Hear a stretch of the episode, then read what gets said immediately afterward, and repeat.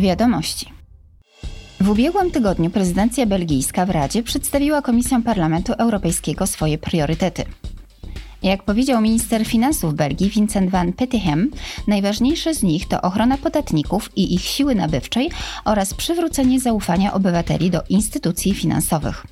W praktyce oznacza to, że belgijska prezydencja zajmie się w pierwszej kolejności przeglądem ram zarządzania gospodarczego, pogłębieniem Unii rynków kapitałowych, wypracowaniem ogólnego podejścia do gwarancji depozytów bankowych i zapewnieniem długoterminowego wsparcia finansowego dla Ukrainy.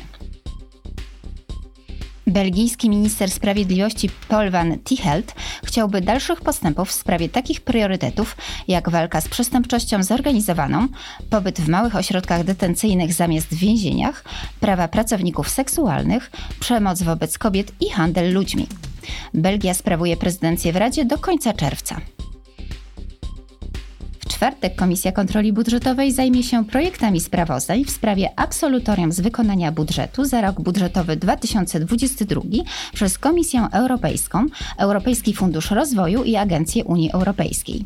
Sprawozdawcy odpowiedzialni za te sprawozdania przedstawią poszczególne projekty i wskażą najważniejsze ich zdaniem kwestie dotyczące absolutorium za rok 2022.